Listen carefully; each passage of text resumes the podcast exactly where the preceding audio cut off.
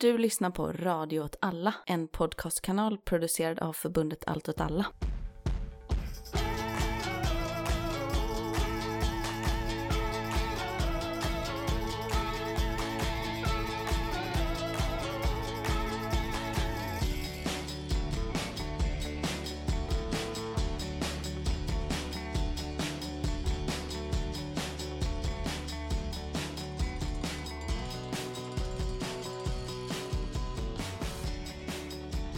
Hej, välkomna till Rörelse Udda krig och perspektiv. med mig Martin Hansson. Och med mig Myran Andersson. Vi sitter här, det är den eh, 18 april Det är det. och eh, vi har precis eh, räddat en eh, kaja Ja, från mitt ventilationssystem. det är riktigt. Hoppas det går bra för den i Vi framtiden. önskar den all lycka. De får jättegärna bo någonstans, men inte här, känner jag. Mm. Det är nog bäst för den själv också, tänker jag. Ja. Det här kommer bli ett avsnitt i två delar kan vi säga. Först ett nyhetssvep med dig och mig. Och sen så kommer vi ha en intervju vi spelade in för ett tag sedan med Rasmus Kahnbäck om hans resa i Armenien, Azerbajdzjan och Nagorno-Karabach. Ja. Och eh, vi känner väl att vi behöver ha ett litet nyhetssvep. Det har hänt väldigt mycket saker i världen. Det ena och det andra, verkligen. Den stora händelsen är ju att vi i eh, måndags släppte ett Patreon-avsnitt om Dino Riders. Just det. Mm. Det får man verkligen säga då att det ska ju vara Stegosaurus, inte Stegaron. Med många fel med det. Det är lite andra fel också. Ja. Vill man lyssna på det, bli Patreons. Vi rullar eh, nyhetssvepsjingeln nu.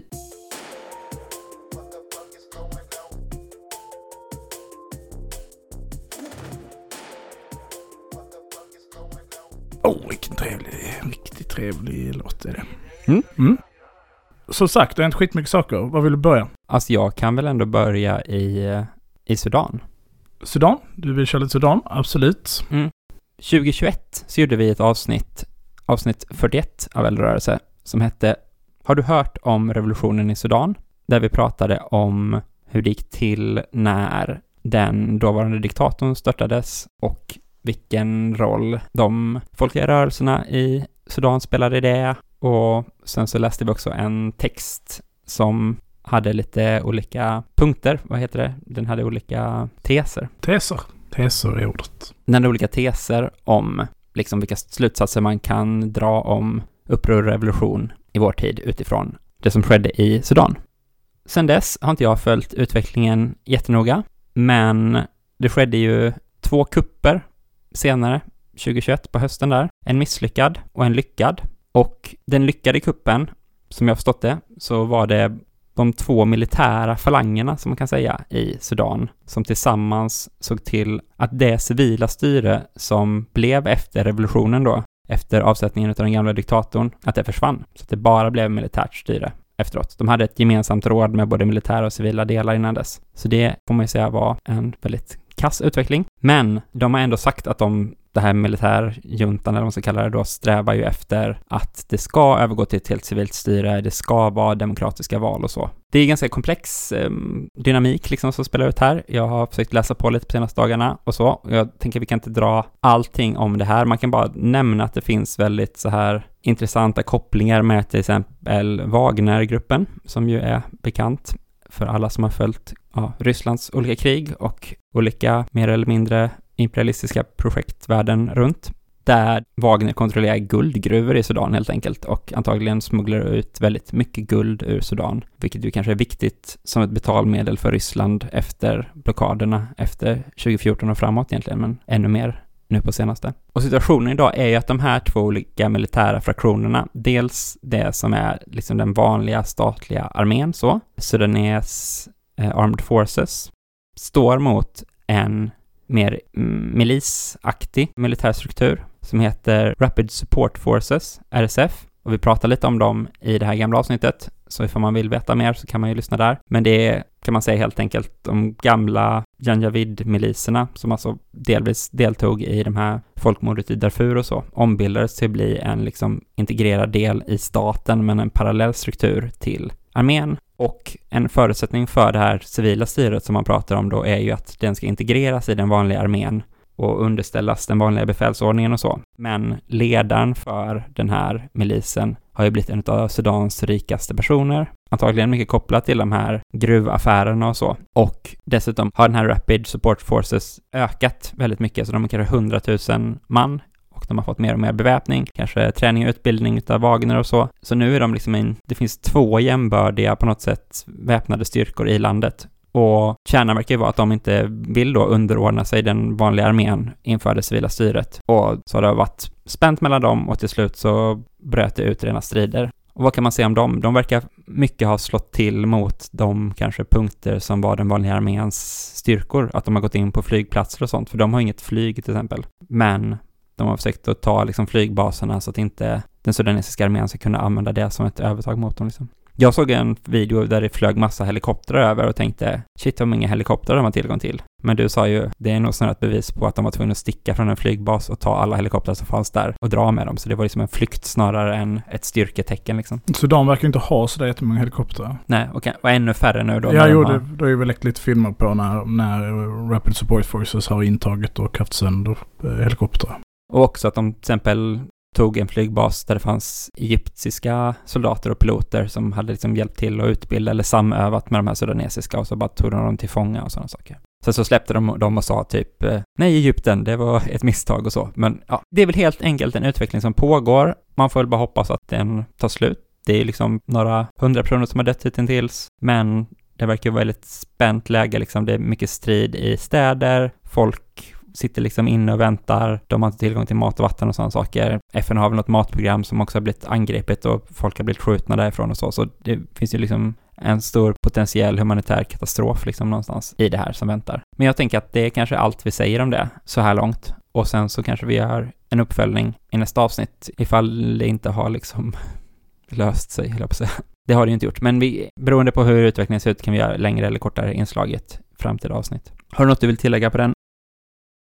Nej, det är väl bara att man får intrycket av att uh, Rapid Support Forces har liksom kraftigt momentum av det lilla man kan utläsa och det verkar som att armén inte riktigt har haft förmågan att sätta upp något kvalificerat motstånd. Utan man ser de här typiska aktörerna som tenderar att vara mer lojala mot, eh, mot den sittande regenten. Vi ser att flygvapnet verkar vara på regimens sida och vi ser att specialförbanden verkar vara på regimens sida. Mm. Så liksom yrkeskadetterna, liksom yrkessoldaterna. Sen så finns det mycket påståenden från båda håll då, om att liksom reguljära trupper för armén ska gått över till Rapid Support Forces, samtidigt som armén rapporterar att många delar av Rapid Support Forces har gått över till dem och sånt och det är oerhört svårt att verifiera, som det alltid är i de här konflikterna, men kanske särskilt med tanke på hur liksom mediatäckning av Sudan är generellt och dessutom att internet har släckts i olika omgångar och så där, så det är svårt att få ut vad som händer liksom. Mm. Jag eh, har liksom tänkt att det kanske kan vara lämpligt att kommentera dokumentsläckan. Den är ju lite mer än en vecka gammal nu. Just det. Jag vet inte riktigt vad man vill veta av den. Men du får bara dra snabbt, vad var dokumentläckan för någonting först? Alla kanske inte är med på det. Ja, det har ju blivit beskrivet som kanske en av de största läckorna i modern historia de senaste decennierna från eh, amerikanska försvarsmakten och CIA för den delen. Och i enkelhet så kan man väl säga att det finns rätt många frågetecken runt det här och att det mesta jag säger är liksom overifierat gällande de här dokumenten. Men det skulle kunna vara typ ett sätt som CIA vill släppa information också då, eller vadå? Precis, ja, men jag kan komma lite till det. Men jag tänker att man kan säga så här, det börjar med att det ploppar upp ett par dokument på 4chan och i telegramkanaler som eh, påstår sig visa massa olika saker. Det handlar väl från början om ungefär tio dokument. Vissa av dem är intressanta än andra. Kartorna är fotograferade och det finns liksom ett mönster med vissa produkter som finns på bordet. Som gör att det är ganska tydligt att det är samma person som har fotograferat flera av dokumenten.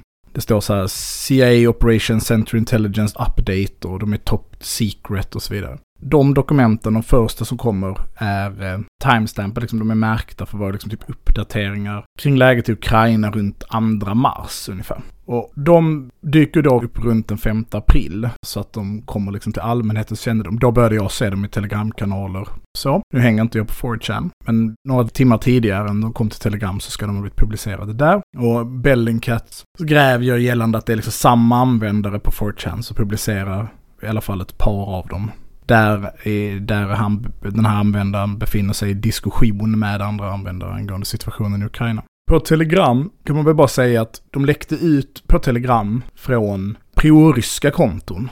Och skillnaden mellan 4chan-bilden och de proryska kontot var framförallt en bild där den beskrev eh, förlusterna för respektive sida. Och det skilde sig åt mellan den bilden som var postad på 4chan och den som var postad på Telegram på så sätt att de eh, ryska förlusterna var mycket lägre och de ukrainska var mycket högre. Kan man inte se på pixlarna, som vi säger i branschen, vilken bild som är manipulerad? Jo, och det går ju också att eh, hänvisa där till liksom, när man har grävt bakåt då, att de proryska är fejkade. Man har helt enkelt flyttat den ena siffran till den andra. Jag tror att man har flyttat 61 000 döda till 16 000 döda. Så man har liksom flyttat tiotalet till ett ental så att säga. Och så har man gjort vice versa på den ukrainska sidan. Men då är alltså den amerikanska bedömningen av ryska förluster är att det är 61 000 döda. Och då får man räkna med att förlusterna är tre gånger det. Tre till fyra gånger högre. Ja. Det är väl även ett spann på den bilden. 61 000 tror jag är den högre siffran. Okej. Man behöver inte fastna så mycket över det. Jag tycker inte det är så intressant för det stämmer ganska väl både med de siffror som har kommit ut.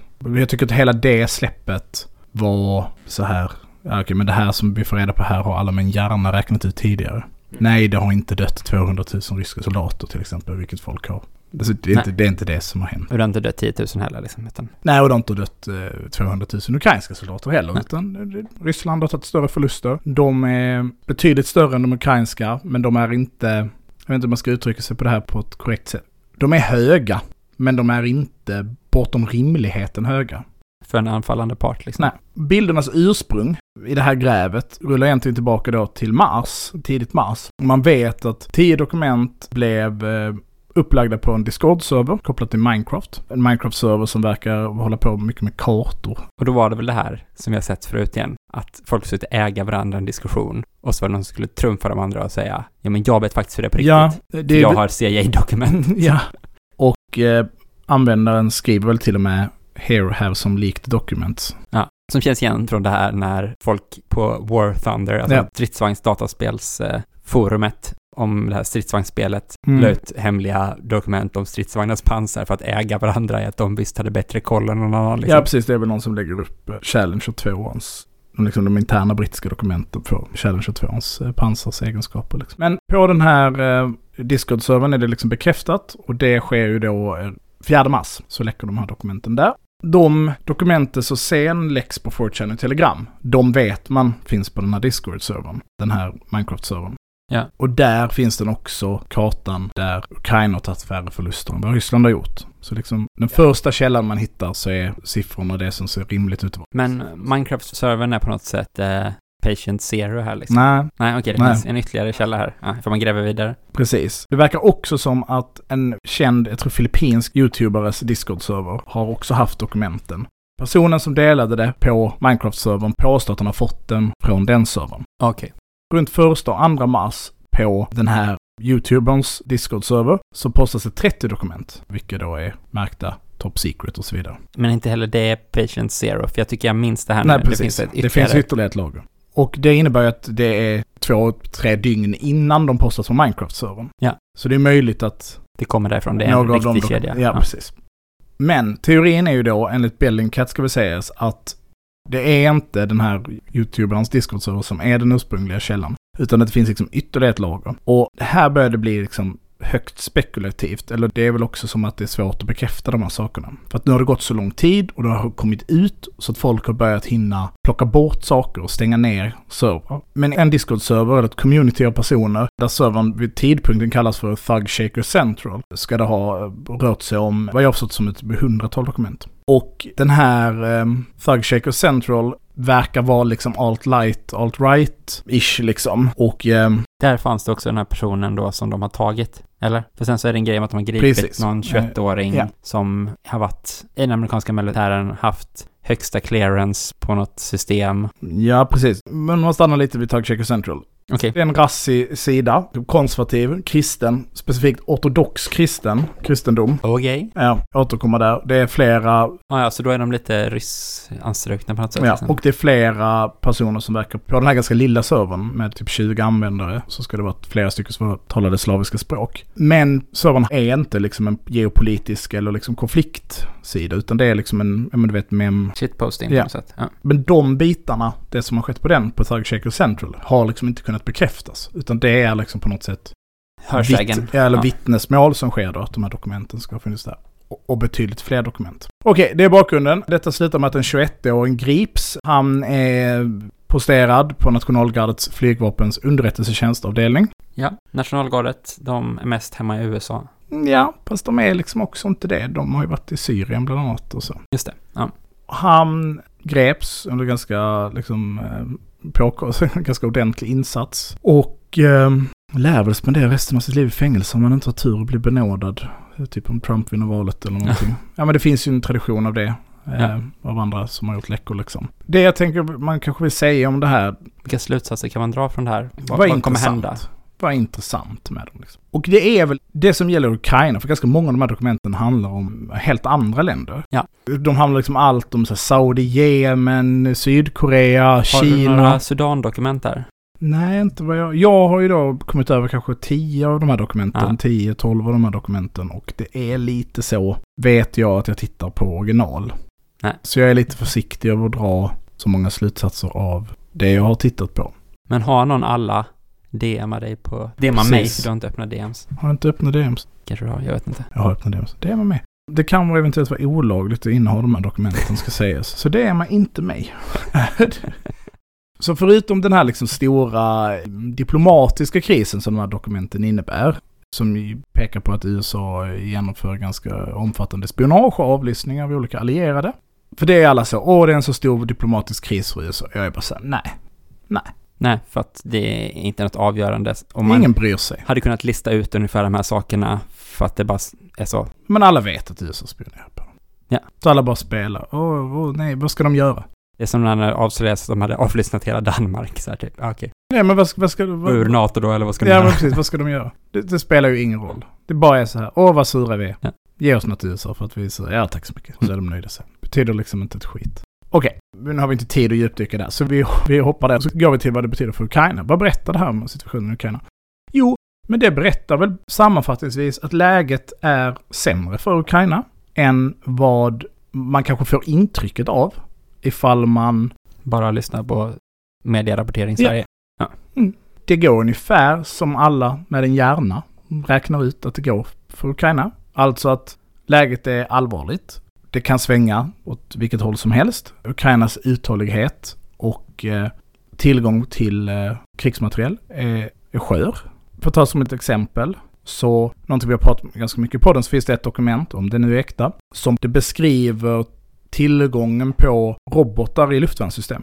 Och hur Aha. USA bedömer hur länge Ukraina kommer kunna fortsätta operera de här systemen helt enkelt. Innan robotarna kommer att ta slut med den graden av robotar de får nu. Och man kan väl säga att trots att man har skickat massa superduper, jättebra västerländska superduper luftvärnssystem så förlitar sig Ukraina i huvudsak på S300, P, S, vanliga S300, BUK och OSA-systemen. Alltså Mm. sovjetiska luftvärnssystem. Och sen har de en rad massa andra och de fungerar bra kanske på att skjuta ner drönare och till viss del robotar. Men för att skjuta ner det ryska flygvapnet så är det S-300 Buk och OSA som Ukraina förlitar sig på.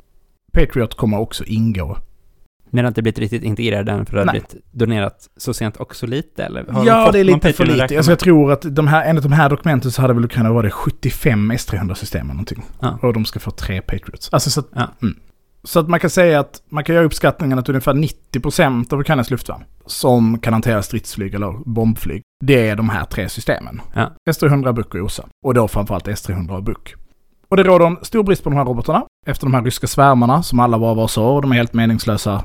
Mm. Det är bara terrorbombning. Men som vi har pratat i podden. Det kan finnas liksom en operationell eller strategisk syfte med de här som inte bara är att plåga det ukrainska folket, vilket Eller så är det en bieffekt som spelar lika stor roll. Jag med. Det behöver inte ens vara det operationella syftet ifall det blir slut. Det kan ju bara bli effekten i alla fall. Ja, att Ukraina har använt väldigt många robotar till att skjuta ner de här för att skydda sina civila och sin civila infrastruktur. Har gjort till att de har brist på dem. Och det här är ju robotar som inte produceras på en storskalig nivå i väst. Men det finns lite i forna... Det finns i lager och de tror jag antar att det mesta är skänkt eller så väntar man på att bli ersatt med västerländska system för att sen kunna skicka vidare. Vi har sett i grannländer som har skickat S300 och buckrobotar och system för den delen. Och i enkelhet så kan man säga att det här dokumentet säger att ungefär i maj Ja. då börjar de här robotarna ta slut. Och det skulle ge Ryssland möjlighet att kraftigt utöka sina luftangrepp. Ja. Och det här tänker jag att man kan komma, om man då gå tillbaka tiden lite, så när vi pratade om hur vi trodde att kriget skulle utspela sig tidigt, innan kriget bröt ut, men även de inledande dagarna, så var ju en av de sakerna man reagerade på var att man såg relativt lite ryskt flyg. Och vi hade tänkt att det skulle vara ryskt luftherravälde och en väldigt viktig del av konflikten skulle vara det liksom. Ja, att det var det som var Rysslands eh, edge på något sätt i konflikten. Ja. Men de var rätt konservativa med det. De har förlorat flygplan, en hel del av dem, men inte alls i närheten så mycket som man förlorat stridsfordon och stridsvagnar. Och en av anledningarna till det var för Ukrainas skicklighet i att hantera och dölja sina luftvärnssystem. Men också att Ukraina, precis som Sovjetunionen och liksom Ryssland och alla Warszawapaktens länder var extremt fokuserade på luftvärn.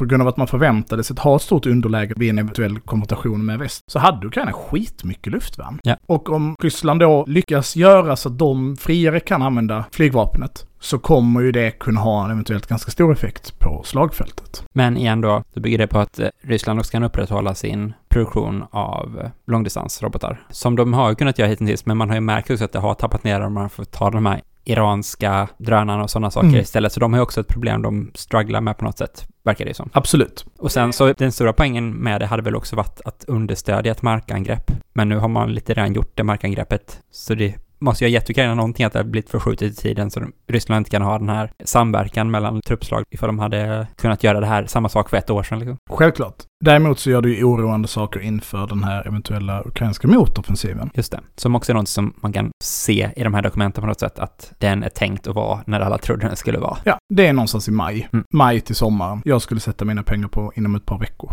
Ja. För att Ukraina har ju förberett den här motoffensiven under ganska lång tid. Det vet vi. De har byggt upp eh, reserver, utbildat nya förband, nya brigader och det har också skett ett inflöde av västerländsk krigsmateriel. Och de här dokumenten berör det här ganska mycket. Berör både specifikt brigaderna, men och här börjar ju läckan bli ganska allvarlig. För här tror jag den har, om den är äkta, om det inte är någon sjukt komplex 4D-rus, börjar ju ha effekter på slagfältet på något sätt. För att visst, kartorna berättar om hur man förväntar sig att det ska vara lerigt och så vidare. Så ja, okej. Men det, det fattar ju Ryssland också. Att De kan också kolla väderleksrapporten. Ja, de har nog också bra koll på Ja. ungefär när. Men däremot så berättar den både delvis om hur liksom förbanden är strukturerade och vilka, alltså var luftvärnssystem är posterade, alltså så rätt konkreta saker. Nu är de ju lite äldre. Så. Ukraina flyttar antagligen sina luftvärnssystem så. Ja, det går att anpassa sig till. Men det, det är klart att det är ett problem. Man kan hitta ett mönster i det där och så. Men det det berättar är ju att USA inte är så jätteoptimistisk inför den här stora superduper-offensiven. Och då är återigen, för nu kan man ju tolka allting på olika sätt, men när idioter är så här, nu kommer Ukraina driva ut eh, Ryssland ur Ukraina, de kommer återta Krim. Just det. Mm. Så kan man ju tro på det och tänka, ja men det är ett troligt utfall. Och det kan man tro om man är lite dum i huvudet. Det mest troliga är ju att det inte är det som kommer hända. Det mest troliga är att Ukraina kommer återta territorium i någon utsträckning. De kommer genomföra en stor motoffensiv. De kommer återta territorium. Det har de gjort de andra gångerna de har genomfört stora offensiver. På samma sätt som Ryssland har tagit lite territorium när de har genomfört sin vinter våroffensiv eller vad det är de har hållit på med. Och antagligen kommer Ukraina återta mer. Ja. Dokumenten berättar att det handlar ungefär om 12 brigader som skulle liksom agera murbräcka eller spjutspets i den här motoffensiven. Och den kommer ju ha såklart ett par olika anfallsriktningar. Zaporizjzja är väl en av de som är högaktuella. Och de här brigaderna skulle till stor del beväpnas av västerländsk krigsmateriel. Man kan prata om de här 12, så pratar vi om att tre av brigaderna skulle Ukraina själv beväpna och resterande nio skulle beväpnas av västerländsk krigsmateriel. Och då pratar vi alltså om ungefär 250 stridsvagnar, 1500 stridsfordon. USA då gör den pessimistiska bedömningen att de tror att den kommer ge, citat, modest Framgång. Ja. Modest success. Modest success. Modest framgång på svenska. ja. 23 februari, ska man komma ihåg, det här är ganska länge sedan. Då hade fem av brigaderna inte påbörjat sin träning. Sex hade under hälften av den utrustning som de behövde. Så då är vi nere på att det är en brigad Ja. som är liksom fit for fight. Ja. 23 februari. Så man kanske hinner ordningställa alla fram till. Det är möjligt. Ja. Och liksom med det så beskriver de då förutom liksom allt om Jemen och så det tyckte jag var lite intressant för det ger ju både en fingervisning om att den här motoffensiven kommer att ske, ungefär hur, vilka styrkor Ukraina förväntas använda för att göra liksom det initiala angreppet. Och det liksom tydliggör väl den här, allt går inte underbart jättebra för Ukraina. Nej. Utan att saker är lite mer komplicerade. Ifall det här är en skitsmart CIA-läcka å andra sidan, då är det lite som Cherson-grejen. Det är där de kommer slå och sen så var det Charkiv som blev det stora territorietillbakatagandet. Sen så ifall det var planen hela tiden eller ifall det bara råkade bli så vet man väl fortfarande inte men... Nej, vad talar för att de är äkta? Hur de har läckt, Mm. skulle jag säga är det som talar för att de är äkta. Att man kan spåra tillbaka steg för steg vart det har liksom, ja, Ja, och att de läcker ut på ett ställe som Minecraft. visst, det skulle kunna vara en eventuell rysk superduper FSB-agent som sitter i den chatten. Alltså så, det är mycket möjligt. Jag tänkte mer att det skulle vara en amerikansk läckare alltså. Mm, precis, att det är en, en medveten läcka från USA. Och då blir det så här, det är lite farligt att de påstår så mycket saker om både Ryssland, om Kina, saker alltså som Ryssland själv ganska snabbt kan kontrollera. Stämmer det här? Ja. Mm. Eller så har man bara matat rapporter med sådana saker att man villigt ger upp sån information för att bevisa. Men nej, jag tycker inte heller det verkar så troligt att det är så. Nej. Det blir som den här omvända kriminologin då liksom, att man tror att allting är ett medvetet smart drag. Ja, alltså det finns väl vissa saker i det som är så här, det här hade väl kanske USA inte velat skulle läcka. Typ att eh, Egypten eventuellt har försökt sälja vapen till Ryssland. Mm. Gradraketer framförallt tror jag det handlar om. Eftersom att Egypten har en egen produktion av det. Och det är någonting som Ryssland säkerligen vill kunna köpa. Om USA visste det så hade USA inte velat att det kom fram genom en läcka från en Minecraft-server. Liksom. Ja, det, vi kanske ska återkomma till det här på något sätt. För det känns som att det är mycket saker. Men jag tycker framförallt finns det en jätte, jättespännande bit i det här. Som är kopplad till typ hur patriotism idag och det finns ju en historisk koppling till det här också, men väldigt mycket går ut på att pyssla med olika typer av landsförräderi. Ja. Ja, och det är spännande. Ja, att bästa sättet att liksom få information från ett annat land är inte plantera en spion in hos dem som kan nästla sig till kontakter och få köpa dokument och sådana saker. Det går in och utmana någon på en Minecraft-server om att de inte alls kan bevisa vem Mm, det är absolut. som är starkast i Ukraina. Liksom. Jo, jo nej, men också att, att tendensen till att, att högerextremister inom försvarsmakten är ett, liksom ett djupt rotat problem. De är inte de här mest lojala, utan de är fuck-ups liksom. Ja, men de är både fuck-ups och direkt illojala. Ja, Eftersom att en stat då alltid bara består av olika typer av satanistkulter och pedofiler och så vidare liksom. så har man ingen skyldighet. Nej, men det känns ju som ett ämne för ett helt eget avsnitt, höll jag på att säga. Det kanske det inte är. Men, eh, så dokumenten, det är spännande, det har skrivits jättemycket om dem. Om jag bara får säga några sista ord om, Ja, det ska gå snabbt då, men ja okej. förlåt, men om motoffensiven. Den kan ju teoretiskt sett ha börjat när vi, vi gör vårt nästa avsnitt. Då tror jag att man ska vara så här, även med den pessimismen som jag precis liksom gav uttryck för, så är detta antagligen Ukrainas bästa tillfälle att nå ett krigsavgörande slut. Inte på sättet att de driver tillbaka Ryssland ur allt ockuperat territorium, utan att de driver Ryssland till en punkt och sig själv till en punkt där förhandlingsbordet blir nästa. Alltså där Ukraina blir intresserade av att sätta sig vid förhandlingsbordet. Ja. Varför då? Jo, för jag tror att Ukraina har förberett den offensiven under lång tid. De har tagit eh, reserver och liksom humankapital som de inte har i överflöd. Satt in dem och att utbilda dem att utföra detta. De har blivit beväpnade av västländer på ett sätt som jag har svårt att se kommer kunna upprätthållas över lång tid på det sättet som det sker nu. Det kommer ta tid innan man kommer kunna ge relativt stora mängder av stridsvagnar, till exempel moderna stridsvagnar, artilleriammunition, granater och så vidare, alltså den typen av saker. Det kommer dröja innan, innan väst kommer kunna leverera på det sätt som gör just nu. Och jag tror också att när den här motoffensiven är färdig, då tror jag att både ryska och ukrainska styrkorna kommer vara rätt utmattade. Ja. Alltså att Ryssland har genomfört först sin vinteroffensiv, som ju gick, som allting annat verkar gå för Ryssland i det där kriget, så, så, så de håller på att ta Bakhmut, men det är, de är fortfarande Nej, de har där. fortfarande inte tagit Bakhmut liksom. Och det, och det, åh, det finns mycket saker att säga om det också. Så skitsamma. Det är inte så dumt som man tror.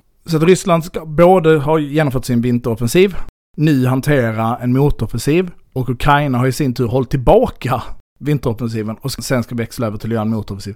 Sen så kommer nog liksom mycket av uthålligheten i de här styrkorna vara ganska uttömda. Och det är en av anledningarna till att det kommer dröja igen innan man kommer kunna göra några större offensiver och en anledning till att försöka nå någon typ av fred. Jag säger inte att jag tror att det kommer hända, för det tror jag inte. Men det finns absolut möjligheten. Varför kommer Ryssland varför kommer Ryssland inte bara vika sig som ett, falla ihop som ett korthus då? Som de gjorde i... Eh, Charkiv tänker du på. Ja, ehm, de har förberett under lång tid försvarslinjer, minerat, skyttegravar ehm, och ehm, stridsvagnshinder.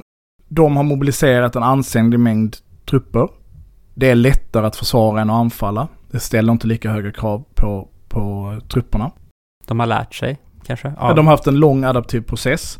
Jag, jag ehm, som sagt, Jag tror att Ukraina kommer återta en ansenlig mängd territorium här motoffensiven. Men jag tror inte man ska förvänta sig att det kommer ske något fullständigt revolutionerande, eh, något mirakel. Nej. Tror du att Putin har cancer? Nej, vi tar det en annan gång. Och eh, nu, från det här ganska långa nyhetssvepet, så vidare till eh, vår intervju med eh, Rasmus Kahnbäck. Ja, det var en eh, kul intervju och jag hoppas ni också ska tycka det. Ha det fint. Hej!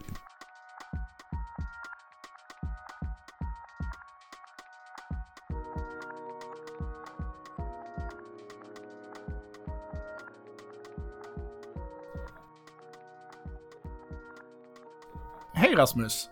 Hallå! Kul att ha dig här i vår studio. Jättekul. Ja, kul att sitta här i, i källan. Du är i Malmö. Ja. Är du ofta i Malmö? Nej, det kan jag inte påstå att jag är i Malmö så ofta, men eh, jag, det händer att jag är i Skåne. Det är så? Ja. Mm, Men i, idag ska jag föreläsa. just det. Du gör en liten turné med din bok, eller hur? Precis, så att eh, min bok, vi pratade om det i senaste avsnittet, den skulle komma ut första februari och nu är den ju ute. Mm. Så att då är jag ute på vägarna och kränger den så gott det går. Det går bra, det går bra tycker jag. Vi har vi tryckt upp den i 3000 ex och har sålt hälften ungefär. Okej. Så Det att, är ju eh, bra. Så att jag tror att det, det kommer rulla på. Det är ju svinbra ju. Ja. Har du fått in den på någon sån här universitetskurs eller så? För det måste ju vara jackpot, tänker jag. Inte, inte än, men däremot eh, jag såg att, eh, att stadsbiblioteket i Helsingfors har köpt in den. Eh, Uppsala är på gång, så att det, det kommer finnas lite överallt i Sverige och i Finland helt enkelt. Så att det, Grattis. ja, tack. Ehm, Verkligen. kanske den heter, Varje dag dör jag långsamt. just det. Ja, Du är ju med här, Sveriges ledande expert på eh, Armenien, Azerbajdzjan och specifikt Nagorno-Karabach-konflikten. Eh, för er lyssnare som inte har eh, lyssnat på oss tidigare. Nej, men ifall ni vill catch up lite och få en förberedelse till det här avsnittet så är det avsnitt 99 där Rasmus och du pratar Mm. om det här. Utvidgad bakgrund ifall man vill precis. Och det tycker jag ändå att eh, jag kommer inte gå igenom hela konflikten idag tänker jag i, i historik och sådär. Så gå tillbaka till eh, avsnitt 99. Och jag lyssnade på eh, 99 luftballongs på vägen hit bara för att ladda upp för det. Precis. Du har ju precis varit ute på en resa. Nu är du ute på en resa med turné och turné med din bok. Men du har också varit ute på en resa innan I. Armenien, ja, Ja. men precis. Att jag var faktiskt i, eh, jag var ute i två veckor. Så jag var i Georgien och i Armenien. Tanken var att jag bara skulle åka till Armenien. Men eh, sedan blev det ju eh, protester i Georgien här i början på mars. Eh, och man protesterar mot en ny lag, en utländsk agentlag. Som anses vara importerad från eh, Ryssland. Eh, så att, och det, de, man lyckades, aktivisterna lyckades stoppa det i sista stund. Bara timmarna innan det skulle röstas igenom så drog man tillbaka förslaget. Så att då tänkte jag, då åker jag till Georgien och ser hur eh, läget var där. Och jag har ju jobbat mycket i Georgien också. Men framförallt, den stora grejen var ju att jag åkte till Armenien. Och senast jag var i Armenien, det var i juli. Det är ungefär 7-8 månader sedan. Eh, nu när vi sitter här, vilket datum är det idag förresten? Det är den första april. Så allt vi säger nu kanske är på skoj. Ja, ja precis. Så att, så att jag bara sitter här och ljuger idag. Nej men, nej, men eh, så att eh, jag vet inte exakt när, detta släpps, men jag tycker det är viktigt att säga att det är första april för det kan hända väldigt, väldigt mycket. Det är ju någonting jag har lärt mig för det har hänt så otroligt mycket sedan jag var i Armenien i juli. Så att eh, när jag var i Armenien i, i, i juli, eh, tre dagar efter jag lämnade landet, det första som hände var att Azerbajdzjan anföll positioner den 1 augusti i Nagorno-Karabach, i det som kallas för Latjin-korridoren. Så man tvingade en flytt av vägen från, från orten Lat, Latjin på azerbajdzjanska eller Bertsor på armeniska till att eh, vägen skulle flyttas till, till, till ett annat ställe. Det var tänkt eh, i en treårsplan att detta skulle ske, men man, man tvingade fram flytten ett år tidigare. Eh, och då dog det ett tjugotal människor, 16 stycken armenier och 4-5 stycken azerbajdzjaner ungefär. Eh, och det var egentligen den första så här ganska stora eskaleringen sedan kriget 2020, den 1 augusti då. Ett par veckor senare så anföll Azerbajdzjan um, ehm, Armenien den 12 till 14 september. Och det var första gången som Azerbajdzjan faktiskt anfaller armeniskt territorium. Så att eh, när man, när man för Latchin-korridoren så ligger det ju rent formellt sett innanför Azerbajdzjans territoriella gränser. Men nu anfaller man, anfaller man arme, armeniskt territorium. Och det som är det som är spännande, på min föreläsning så visar jag en, ehm, Eh, en slide där jag kollar på men vad hände sedan 24 februari 2022 när den stora invasionen i Ukraina började och hur förhåller det sig till det som hände i Armenien och Azerbajdzjan. Och vad man kan se är att den 17 juli så sluter Azerbajdzjan och EU-kommissionen ett nytt gasavtal där man ska fördubbla exporten av gas från Azerbajdzjan till Europa. Två veckor senare, då sker då den här attacken i eh, första augusti. Ett par veckor senare så sker då attacken i september. Josep Borrell, den utrikespolitiska personen, eh, säkerhetspolitiska också va, inom EU-kommissionen, uttalar sig då och säger att okej, vi fördömer Azerbajdzjan för attacken mot Armenien, men det kommer inte på något vis riskera gasavtalen. Fördömlig tydlighet på ett sätt, men det är ja, osmakligt uttalande, får man ju ni, säga. ni säger det till och med bara rakt ut. Ja. Så att liksom vi, vi, eh, vi Struntar skiter i vilket, eller liksom vi kommer inte göra någonting åt. Ja, precis. Så att det, det är jättefascinerande och, det- och det blir så himla tydligt. Alltså vi har det här på svart och vitt. Hur, gas, hur signeringen av gasavtal hänger ihop med Azerbajdzjans beteende och, och agerande gentemot Armenien. Ehm, sedan, eh, nu blir det en liten recap, men eh, från förra av, eh, samtalet så pratade vi om att det sker en, en blockad av den här Latchin-korridoren då som jag pratade om. Latchin-korridoren, det är en fem kilometer eh, landremsa som går mellan Armenien in i Karabach som skapades utav en reform utav Josef Stalin på 1920, 1923. Den här Latchin-korridoren är ju stipulerad i det avtalet om eldupphör som man slöt den 9 november 20 efter kriget som varade då i sex veckor. Så att den, den, den vägen har blockerats av Azerbajdzjan fram till nu e- egentligen och då pratade vi senaste avsnittet om att det var miljö, om att det var miljöaktivister, azerbajdzjanska miljöaktivister som gör det och det är ju ingen som tror på att de är äh, miljöaktivister. Så att, den, tju- så att samtidigt som den här blockaden sker, då, då, då tecknade alltså Azerbajdzjan nya gasavtal med Ryssland. Ehm, och de här gasavtalen eh, är, är till för att man ska väga upp för det här dubbla, för den här fördubblingen av exporten som EU vill ha. Eh, så att, så att man- på, på något sätt så blir det liksom att man, man, man, man tvättar rysk gas genom Azerbajdzjan. Och återigen så kommer man tillbaka till de här, liksom så här ekonomiska förhållandena, hur det hänger ihop. EU har ju givetvis fördömt blockaden av Latchenkorridoren och man har fördömt eh, Eh, och eh, internationella domstolen i Haag har tagit ett beslut om att nu måste Azerbajdzjan med alla tillgängliga medel garantera fri passage genom Latjinkorridoren och det har inte då inte skett. Så det är kontext som jag befinner mig i när jag kommer till Armenien nu i mars eh, 2023. Spännande verkligen att vi har liksom levt nu i, i tre, fyra år av ett konstant prat om hybridkrig. Hur typ allting är hybridkrig. Men det är ju verkligen så att om man vill hitta på ett tydligt exempel på en påverkansoperation eller att liksom med andra medel än militära formera slagfältet inför ett eventuellt krig så kan man ju fan inte hitta tydliga exempel än det här. Man både har liksom handel som ett krigsverktyg, ett verktyg för att formera slagfältet, man påverkar eventuella allierade eller påtryckningsfaktorer genom att sluta ett fördelaktigt avtal med EU. Man genomför en blockad som döljs under liksom en politisk chimär som inte stämmer. Som ju i, även om det liksom, det är självklart att den huvudsakliga problemet med blockaden som vi tänker på är den humanitära effekten. Alltså att människor får brist på mat, medicin, vatten och så vidare. Men tänk vad den innebär rent militärt för försvarsstyrkorna inne i Nagorno-Karabach. Alltså om det är någonting som inte kommer in så är det ju ammunition, det är byggmaterial för att förstärka försvarslinjer och så vidare. De, de objekten är väl antagligen den högsta prioritet att se till att de inte får in. Och att man då, alltså jag bara tänker att just det här kommer i framtiden pratas om som ett väldigt historiskt tydligt exempel på hur man med andra medel än militära bedriver och förbereder för, för krig egentligen.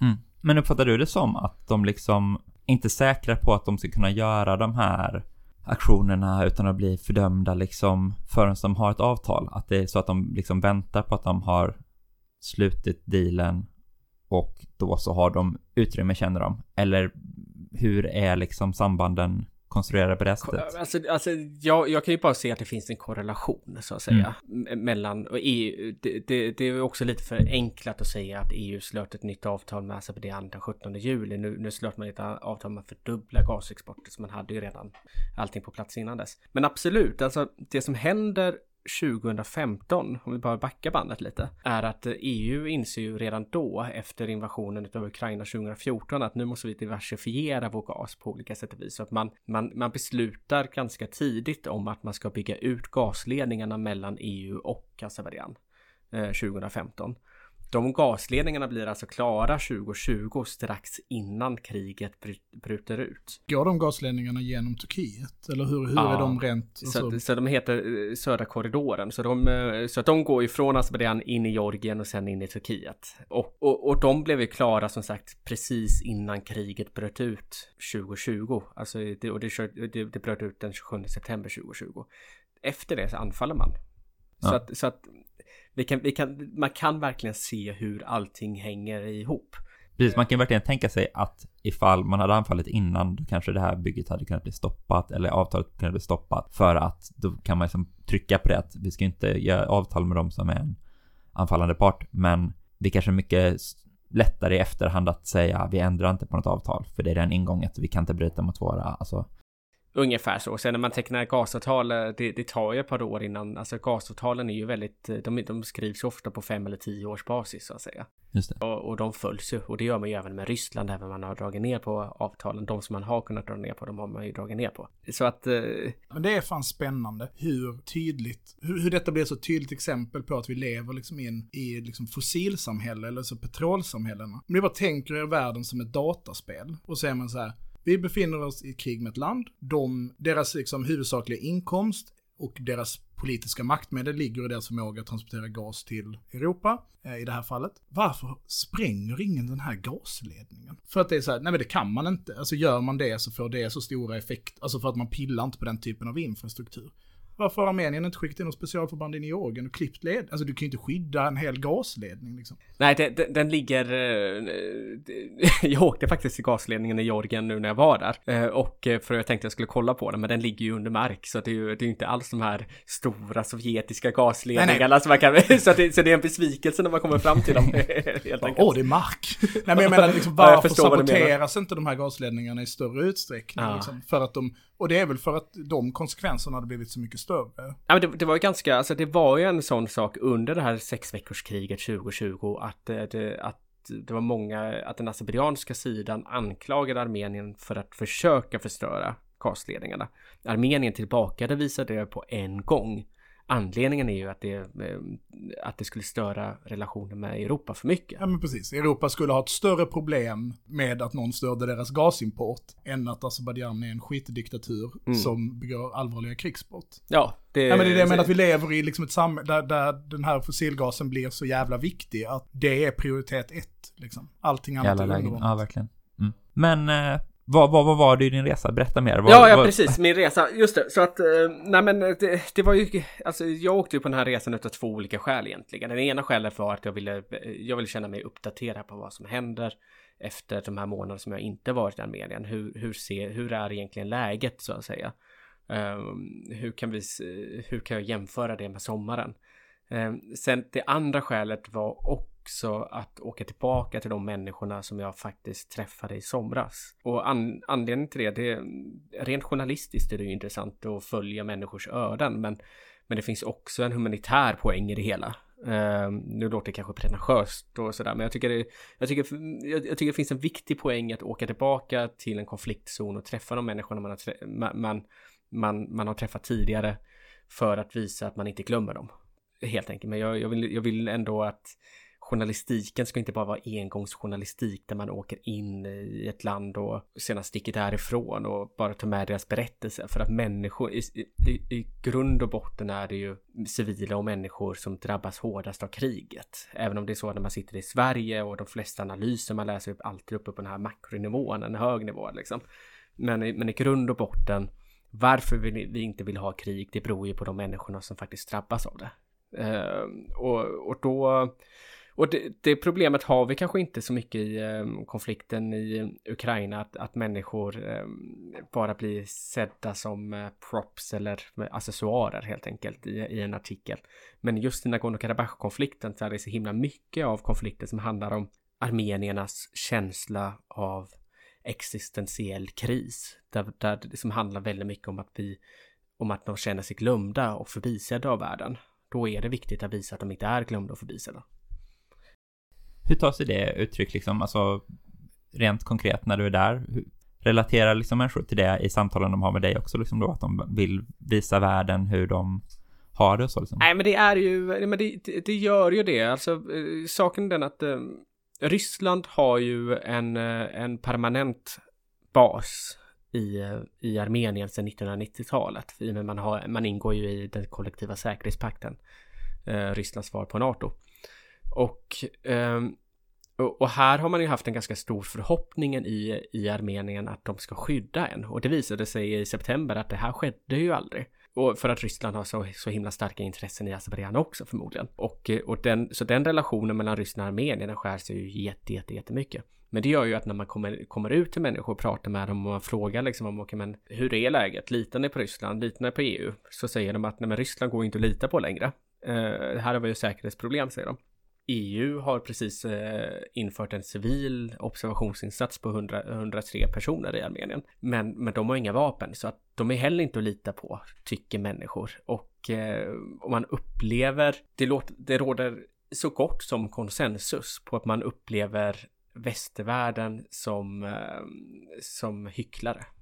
Mm. Att de säger så mycket och man gör så mycket i Armenien, man, man genomför demokratiska reformer, de lovar en så mycket, men i slutändan så är det inte de som har vapen som står och skyddar dem vid gränsen. Det gör ju uppenbarligen inte Ryssland heller nu. Och det är den stora skillnaden, för att när, i juli så var det fortfarande så att men då hade människor fortfarande någon form av förhoppning. Jag, jag visar en, en till bild, den här bilden, eh, jag, jag, berättar vad det, vad det är för någonting. Ehm, eh, så att den här bilden tog jag i somras eh, och inte nu. Eh, det är en väg Eh, bredvid vägen eh, så står det en stor skylt Welcome to Azerbaijan.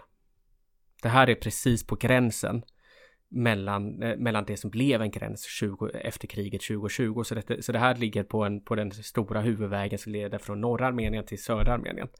Um, och innan kriget så var det ju inga problem. Man kunde gå fram och tillbaka över den här huvudvägen. Efter kriget så anser Azerbajdzjan då att del av vägen ligger inne i Azerbajdzjan så att det finns kontrollstationer. Så att den här bilden som ni ser nu, eh, man ser en väg och så ser man på vänster sida av vägen, där ligger Armenien. På höger sida av vägen ligger Azerbajdzjan. Mitt i vägen är det ryska fredsbevarande trupper som bevakar den. Så att min känsla när jag åkte där i somras var att nu har jag en trygghet när jag ser en rysk gränspolis komma, vilket är jätteskumt. Givetvis.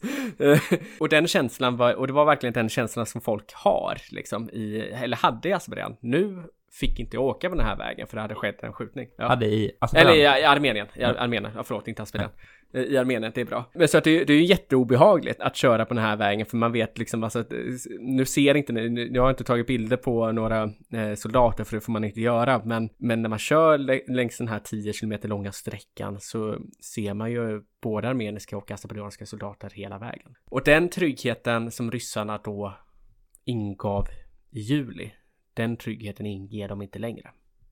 Vilket är den stora skillnaden. Så en person jag pratade med han, eh, han har en Kal Kalishnikov i hemmet. Uh, jag tror inte med vi redde ut det Martin, om det, vilken, eh, vilken, ja, vilken modell var det? Hade han. Vad sa du hette? En AK 103 hade han, en väldigt ja. fancy bössa. Lite konstigt var han att få tag i den, men den måste jag ha köpt den av någon, antingen en rysk soldat eller en armensk soldat. Ja. det, det, det, är inte ett vapen som man kanske naturligt så. Det är liksom en modernare variant av AKM för våra okay. riktiga vapennördar. Ja, precis, men han, var, han hade liksom den i sitt hem som någon typ av liksom skyddsvapen eller Ja men precis och han, och han, sa ganska tydligt att uh, nu är det en uh, Nu är jag här på liv och död liksom. Så att uh, ryssarna kommer inte skydda oss om det blir krig så kommer jag gå ner till de armeniska soldaterna och ställa mig bredvid dem. och de är bara små pojkar menar han. Alltså de var ju 19-20 år gamla så kom han där. Så han, han ville vara lite storebror för dem och visa hur man ska kriga liksom. Men ja, så, så, det är liksom en idé folk har att de kanske kommer bli invaderade liksom. Och att man någonstans lever med det i sitt bakhuvud ja, liksom. Men, men så, så är det ju och de senaste veckorna har ju verkligen visat det. Sen, sen orden från internationella domstolen i Haag kom om att man skulle öppna blockaden till eh, Latchin-korridoren så har ju krigsretoriken från Azerbajdzjan varit sjuk. Mm. För att uttrycka, eller uttrycka det milt så att säga. Den, den har varit den, eh, Ilham Aliyev har väl har i princip sagt att om inte, alltså, om inte Armenien går med på att sin, underteckna det fredsavtal, nu gör jag situationstecken, som, som man lägger fram. Det är inget fredsavtal, för det är ingen som tror på att bara för att man signerar det så kommer konflikten stilla sig liksom, utan det, eh, det är ju bara eh, västerländska diplomater som skulle kunna tro på, så befängd det. men, men, men det är ingen, det är ingen i, eh, i, i Armenien som tror på det. Så att eh, han, han sa på Nauruz, dagen innan Nauruz, eh, som också firas i Azerbajdzjan, att om eh, vårt enda krav på Armenien är att de ska underteckna vårt avtal om de vill leva i frid. Ja, det är ju, ett, det är ju ett, ett, uttryckligen ett krigshot. Liksom. Ja. Ja. Gör som vi säger, annars blir det krig. Ja. Ett aggressionsbrott. Kanske Jag vet. Ja. Ja, vad hette den här Vad domstolen i det? Haag nu? ICC. Jag vågar aldrig försöka säga det. ICJ. Men, för det här är någonting som jag har funderat mycket på, på tal om, och på tal om det här du, du säger liksom att det handlar om att komma ihåg att det är människor, och det är människor som liksom lever i den här konfliktzonen, eller i de här spänningarna, de här rädslorna. Och det, det, det, jag håller helt med dig om det, att det glöms bort. Jag tänker framförallt att, precis som du säger, att Armenien lider liksom också av skuggan. Ukraina, och de, och de lider och det pratade vi om när vi, när vi pratade förra gången, så pratade vi just om det här att konflikten är komplex. Mm. Det, är, det är liksom så många, det är Ryssland, det är CSTO, det är, ska tillhör Armenien. Mm. Och, och, och vem är Azerbajdzjan? Det är ett land som väldigt få människor känner till, man har liksom ingen tydlig bild. Så. Men just det här, vad är armenierna? Och jag fattar att du inte kommer att säga så här, alla armenier tänker så här. Men hur, det är en etnisk konflikt, det är ju så man måste förstå det. Mm. Framför specifikt konflikten Nagorno-Karabach är ju en etnisk konflikt. Hur, liksom, hur explicit är de etniska spänningarna? Nej men de är ju... Jag var ju på, men, men så här. Eh, eh, jag... Den, den absolut största anledningen till att jag åkte på den här resan just vid den här tid, tid, tidpunkten, det berodde på att jag skulle på fotbollsmatch mellan Armenien och Turkiet. Och Turkiet och Azerbajdzjan är ju best friends forever, får man väl kalla det. Eh, två, eh, två länder, ett folk, brukar de kalla sin relation. Eh, och eh, båda två är turkfolk helt enkelt. Så viktigt var Eh, det med så- shia och sunni. Ja, nej men det är inte, alltså det, det är ju verkligen inte en religiös konflikt. Alltså det är många som, eh, som säger det är en religiös konflikt. Jag vet att Johanna Melén, nej inte Johanna Melén, nu ska jag inte säga att det var hon, utan Marie Persson Lövgren på Sveriges Radio, som är en av de mest, mest kända rösterna i svensk journalistik som faktiskt kommenterar konflikten. Hon pratar hela tiden om det är en religiös konflikt, vilket Oj. bara, är, vilket bara är bullshit. På vilket sätt? Alltså mellan kristna och muslimer Ja, men då? precis. Och, och det, det är ju en sorts eh, rysk-azerbajdzjansk propaganda liksom. Och jag har försökt att säga till flera gånger att det inte är det. Men för att återgå till matchen, Armenien-Turkiet, så att i det här fallet tog det sig uttrycket på fotbollsmatchen att inget bortafölje fick komma. Anledningen till att bortafölje inte fick vara med på matchen berodde ju på att den 6 mars så anföll Bursaspor supportrar, kurdiska Ahmedspor-supportrar. Eh, Dagen efter det beslutade Uefa att det är inte lämpligt att bortaföljen får komma till Armenien Turkiet-matchen. Två dagar efter den här matchen var jag på Sverige-Azerbajdzjan som spelade fotbollsmatch i Sverige. Och då hade armeniska aktivister i Sverige planerat en eh, manifestation som blev känd för både Säkerhetspolisen, polisen, Svenska fotbollsförbundet och Azerbajdzjan.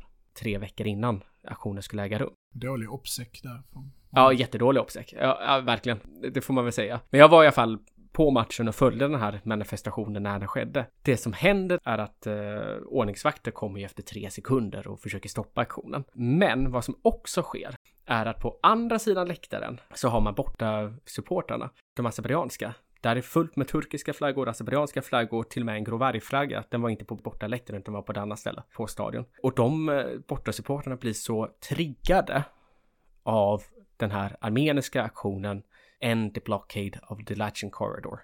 De håller upp banderoller eller skyltar Ja, eller en, någonting. en där. jättestor banderoll Ja. håller de upp. Så att det, flera av de här supporterna börjar slita loss stolar från läktaren och kasta in på plan. Just det. Det var någon journalist som fick det i bakhuvudet va? Ja, en fotbollsfotograf fick en stol i bakhuvudet. Dessutom från den azerbajdzjanska fotbollsfederationens delegation som är på plats är det en snubbe som då springer upp på läktaren till armenierna, klipper till en av armenierna och sedan blir avhyst av ordningsvakter och blir av med sin akkreditering och nu ska Uefa utreda detta. Så att detta är ju liksom spänningen som uppstår. Armenierna däremot, eh, de blev avhysta och inga åtgärder togs mot dem. Jag tycker att du lite dansar runt min fråga här. Alltså, Ja, för anledningen till att jag ställer frågan är för att ett problem med till exempel rapporteringen om Ukraina Mm. och i de flesta konflikter, det är ju att det sker liksom väldigt ofta ett narrativ där man har, man har en god och, och en dålig sida, en god och en ond sida. Och Mm. den ena sidan är, representerar allt som är dåligt och den goda sidan representerar allt som är bra.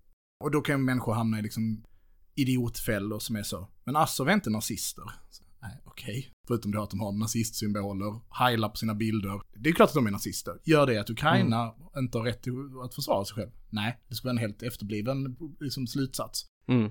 Vad säger armenier om assyrier när du är där? Finns det ett rashat från armenier som riktar sig mot assyrier? Och med det sagt, det är det ju inte för något sätt för att misskreditera armenierna, utan bara mer för att förstå var drar konflikten sin kraft ur. Liksom. Ja men precis, nej utan, nej det var inte meningen att dansa runt frågan utan, utan, utan det, var, det, det handlar bara om berätt, anek, anekdotiskt eh, Ja. helt enkelt kring två stycken konkreta exempel.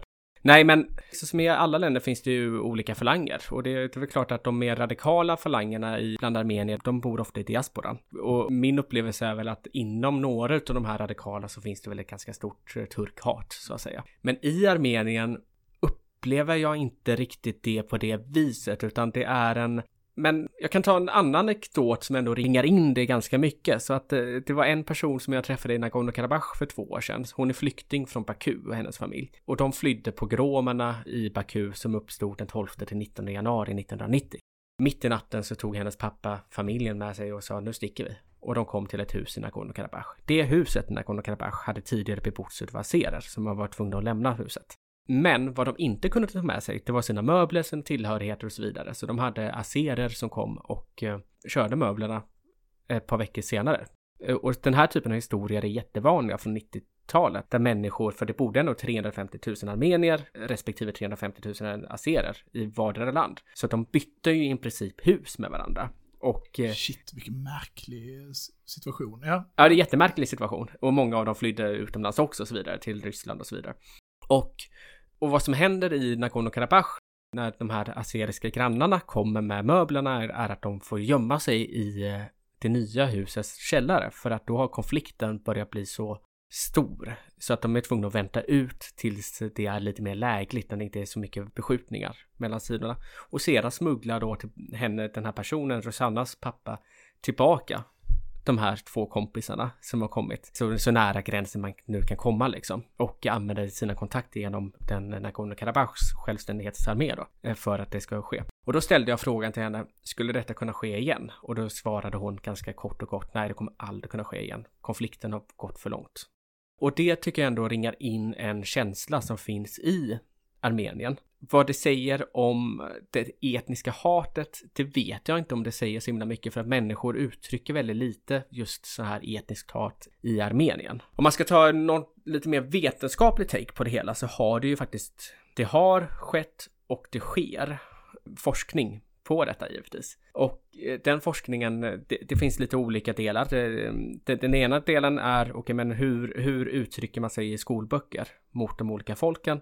Där man har konstaterat att hatet mot armenier är mycket större i Azerbajdzjan i skolboksretoriken än tvärtom. Det finns väldigt lite rent av i armeniska skolböcker. Man har också sett att det har ökat över tid i Azerbajdzjan. Så det är mer hatiska narrativ i skolböckerna än vad det är i eh, de armeniska där det däremot har minskat över tid. Däremot finns det också mätningar och jag resonerar om det lite i min bok som handlar om okay, men hur ser man på folken? Hur ser man på varandra egentligen? Och då har det varit ganska konsekvent. Då har frågan varit någonting i stil med, jag kommer inte exakt ihåg hur frågan är, men, men någonting i stil med, skulle du kunna vara kompis med en azerbajdzjan? Just det. Sådana mätningar finns det ju för att möta rasism. I Sverige också till exempel. Skulle du vilja ha en jude som din granne? Skulle du vilja ha en rom som din granne?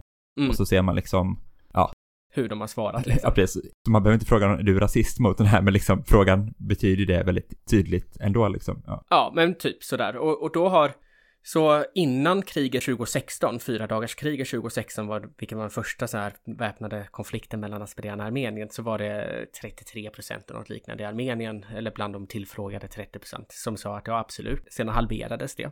Sedan efter kriget 2020 halverades det igen. Och nu är den senaste siffran runt 10 procent som säger att jag skulle kunna vara vardagskompis med Nasser. Medan i Azerbajdzjan har den legat, enligt de här mätningarna, under 1 procent konstant i 20 år. Och då resonerar jag lite i min bok. Okej, men vad säger det egentligen? Det säger att folk har svarat på en fråga, men det mäter inte kvaliteten i hatet, om ni förstår vad jag menar. Om det är så att det är under en procent som svarar på detta viset, då betyder det ju inte kan också betyda att man hatar någon jätte, jätte, jätte, jättemycket eller att man hatar någon jätte, jätte, jätte, jättelite. Nej, inte hur lite som helst. men visst, ja, ja, men, men du fattar Ja, liksom. jag fattar absolut vad du menar. när, man- när man ska resonera till kvaliteten. Jag hoppas att det inte dansade runt frågan. Jag tyckte det var, för det är väl just det här som är intressant och så jävla mörkt liksom. För precis som du beskriver så är det ju generationell, alltså distansen ökar ju med varje generation. Mm. Ju längre en konflikt får fortgå, ju djupare blir förfrämmandegörandet av den andra sidan, vilket ju då minskar möjligheten att nå fred eller liksom någon typ av samexistens. Mm. Och den enda grejen som jag kanske tänker som vidare fråga är liksom, hur paketeras hatet? Alltså, och det kanske inte du kan svara på, men jag tänker, är det i egenskap av att religion liksom, de är, eller är det då mer kopplat till turkfolk kontra inte turk? Alltså, jag bara så här, vad är förolämpningen? Alltså för att det finns ett starkt etniskt hat råder det ju ingen tvekan om. Det ser vi bland annat i den mängden krigsbrott som, som sker. Som Mm. ju som någonstans är, sker i kölvattnet av att man piskar upp starka... En avhumanisering ja. och så vidare. Ja. Nej men alltså, nu om vi bara kollar på krigsbrott så sker det ju rent den här typen av rasmotiverade krigsbrott, får man nästan kalla det, är ju väldigt mycket vanligare från den azerbajdzjanska sidan mot den armeniska sidan. Vilket ju lite ter sig för att det är också den anfallande sidan. Det är svårare för Armenien att begå den typen av brott eftersom att de inte anfaller. Ja, så är det ju också. Jag pratade med fredsaktivister i Azerbajdzjan och i Armenien direkt efter kriget 2020 och då sa de att nu kanske äntligen kan lägga sig lite. Alltså det fanns en, en mörk förhoppning får man väl kalla det. Alltså jag menar en mörk utifrån att det ändå varit i krig och det har skett väldigt mycket krigsbrott och så vidare. Men det fanns ändå en förhoppning om att nu kanske vi kan sluta hålla på och ha den här upptrissade stämningen. För att det har blivit en urladdning då liksom på något sätt? Ja, det... nej, men, lite, men också att eh, Ilham Aliyevs makt, presidenten i Azerbajdzjan, hans makt har byggt mycket på om man har en extern fiende. Och om han säger att nu har vi vunnit kriget, då kanske den externa fienden har försvunnit. Ja. Och det har den inte, tvärtom, han har blivit ännu starkare. Och de personerna som jag pratat med, bland annat en person som heter Baruch Samadov, som forskar på Aliyev-regimens retorik sedan kriget 2020. Han säger att det bara blir värre och värre. Och han forskade vid Karlsuniversitetet i Prag på de här frågorna. Alla de här är ju vänsteraktivister givetvis, eh, vilket det ofta är i den här delen av världen, liksom att de, de vettiga människorna är vänsteraktivister liksom. Men eh, det jag vill ha sagt var egentligen att paketeringen i Azerbajdzjan, den fortsätter. Och det var det jag menade när jag sa att okej, men de enda som tror på att ett fredsförslag, att underteckna av ett fredsförslag mellan Armenien och Azerbajdzjan skulle innebära att konflikten tar slut, det är ju västerländska naiva diplomater. Det är ingen i den regionen som tror på att detta ska ske, för att den är så himla existentiell, hela konflikten för armenierna framförallt. Så att om vi kollar på paketeringen av det etniska hatet i Armenien, alltså men delvis är det väl så att det finns någon halvgrå sanning i att det inte är jättestarkt etniskt hat rent generellt. Men däremot finns det en avhumanisering och den är starkare i Nagorno-Karabach än vad den är i Armenien. Det finns en myt som kommer upp varje år som har funnits med sedan Sovjettiden om att eh, under Nauruz så kidnappade azerbajdzjaner armenier för att offra dem inför alla. Okej. Ja. Och det är liksom en sån där Medeltida, liksom känns verkligen som antisemitism-grej liksom. Ja, den, är- den, den, den är helt galen, liksom hela den myten, men folk upprepar den väldigt ofta och säger att det finns bevis för det och sen när man försöker reda ut liksom, okej, men vem var det som blev kidnappad, när skedde det och du vet, Ja. den typen av frågor så får man aldrig något konkret av det. Det här med människooffer inom islam är också så här ny. Så- Det är väldigt förbjudet med offer generellt.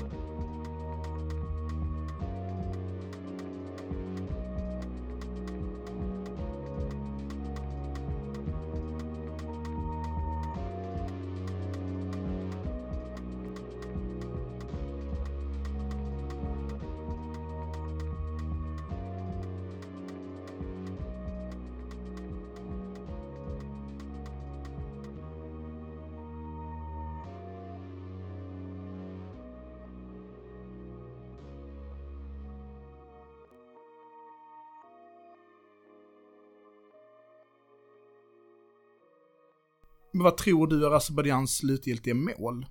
Är det att knyta ihop den här liksom enklaven som finns inne i Armenien eller som är omsluten av Armenien och Iran? Eller är, är målet att liksom erövra Armenien? Eller liksom vad är målet?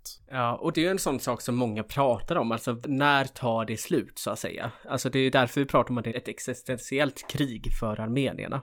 Nagorno-Karabach det var ju målet fram till 2020 väldigt tydligt. Nu flyttar man ju fram sina positioner och gör även territoriella anspråk på det som kallas för Syunik-provinsen i södra Armenien, eller Sangisur på azerbajdzjanska. Och den tror jag ändå att Ilham Aliyev vill ha. För att vad det gör är att om man tar kontroll över den delen så enar man den turkspråkiga världen. Och man klipper Armeniens gräns till Iran. Definitivt. För det har ju vi rapporterat och pratat lite om. Mm. Och här kommer ju liksom Iran någonstans Mm. in. Och de gjorde ett ganska skarpt uttalande som var typ, vi kommer inte acceptera några gränsförändringar. Det kanske inte kom officiellt från Iran. Men det var liksom, det spreds, det är några veckor sedan, det spreds liksom den typen av retorik från Iran och sen genomförde Iran en ganska omfattande militärövning upp mot gränsen. Mm. Och då är det ju tydligt att det är det de syftar på. Mm. Att, för det skulle väl i praktiken, all rysk import och export hade behövt gå igenom Azerbajdzjan, Precis. landvägen då. Så. Från Iran. Från Iran. Ja. Mm. Ja, nej men så att Armeniens geopolitiska läge som, som en brygga mellan, eh, mellan eh, Ryssland nu ligger Georgien i vägen också. Men mellan Ryssland och Iran är ju ganska viktig för att Ryssland vill ju inte ge Azerbajdzjan för mycket makt heller och det handlar ju om konkurrensförhållanden mot Turkiet till en viss del. Om man bara ska kolla rent så här geografiskt så har vi ju liksom Ryssland i norr, vi har Turkiet i väst och Iran i söder.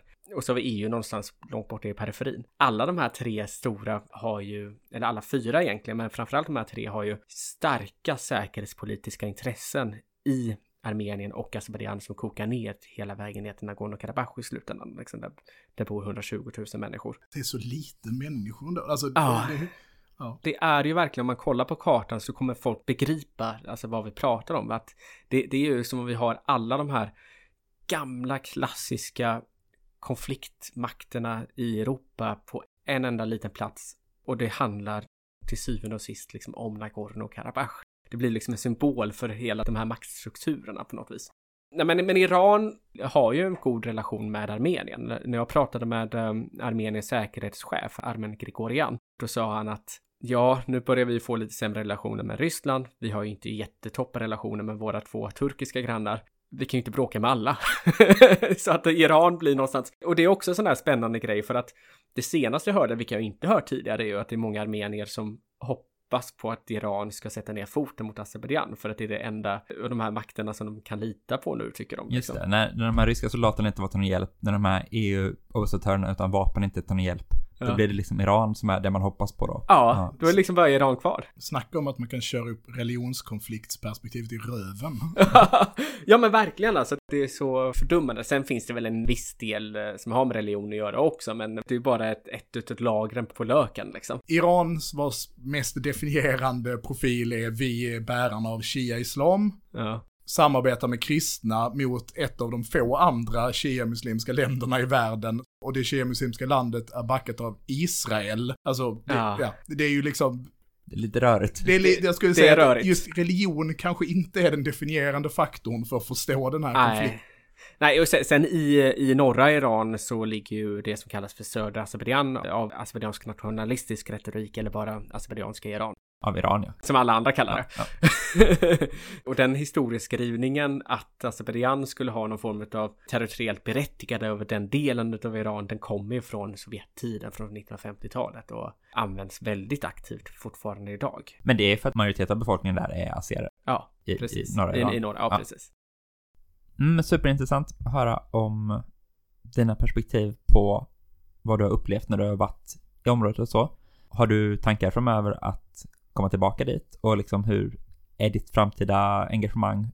Den här bokturnén, vad pågår den? Var kan man komma och lyssna på en föreläsning och så framöver? Ja, men om man går in på min Facebook-sida Rasmus Kahnbäck helt enkelt. Ni kan se stavningen på Kahnbäck i, i avsnittet. Så ser man mina evenemang där. Och jag kommer föreläsa i Stockholm, Göteborg, Västerås bland annat. Min bok går att köpa direkt av mig om man vill ha den signerad. En hundring kostar den då. Eller så köper man den på Adlibris eller Bokus eller något liknande.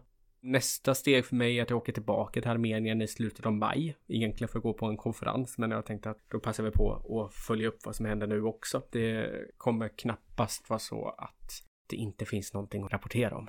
Så att det är väl det helt enkelt. Och jag tänker att eh, det som jag håller span på just nu är om det blir krig eller inte. Ja, det låter rimligt. Och där behöver vi avrunda.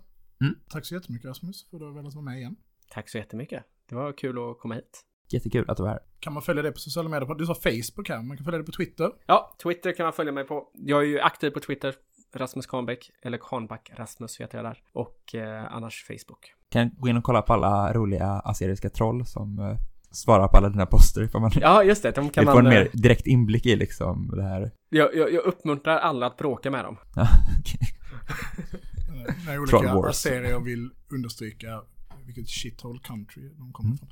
Man kan följa oss på sociala medier, man kan följa mig. Jag heter Trojkan1337 på Twitter. Du heter ett Slykal. Man kan följa oss på Facebook, där heter vi Eld och rörelse. Och man kan följa oss på Instagram, där heter vi. Snyggt. Tack så jättemycket för att ni har lyssnat. Ha det bra! Ha det fint, hej! Hej, ha det gott. Super.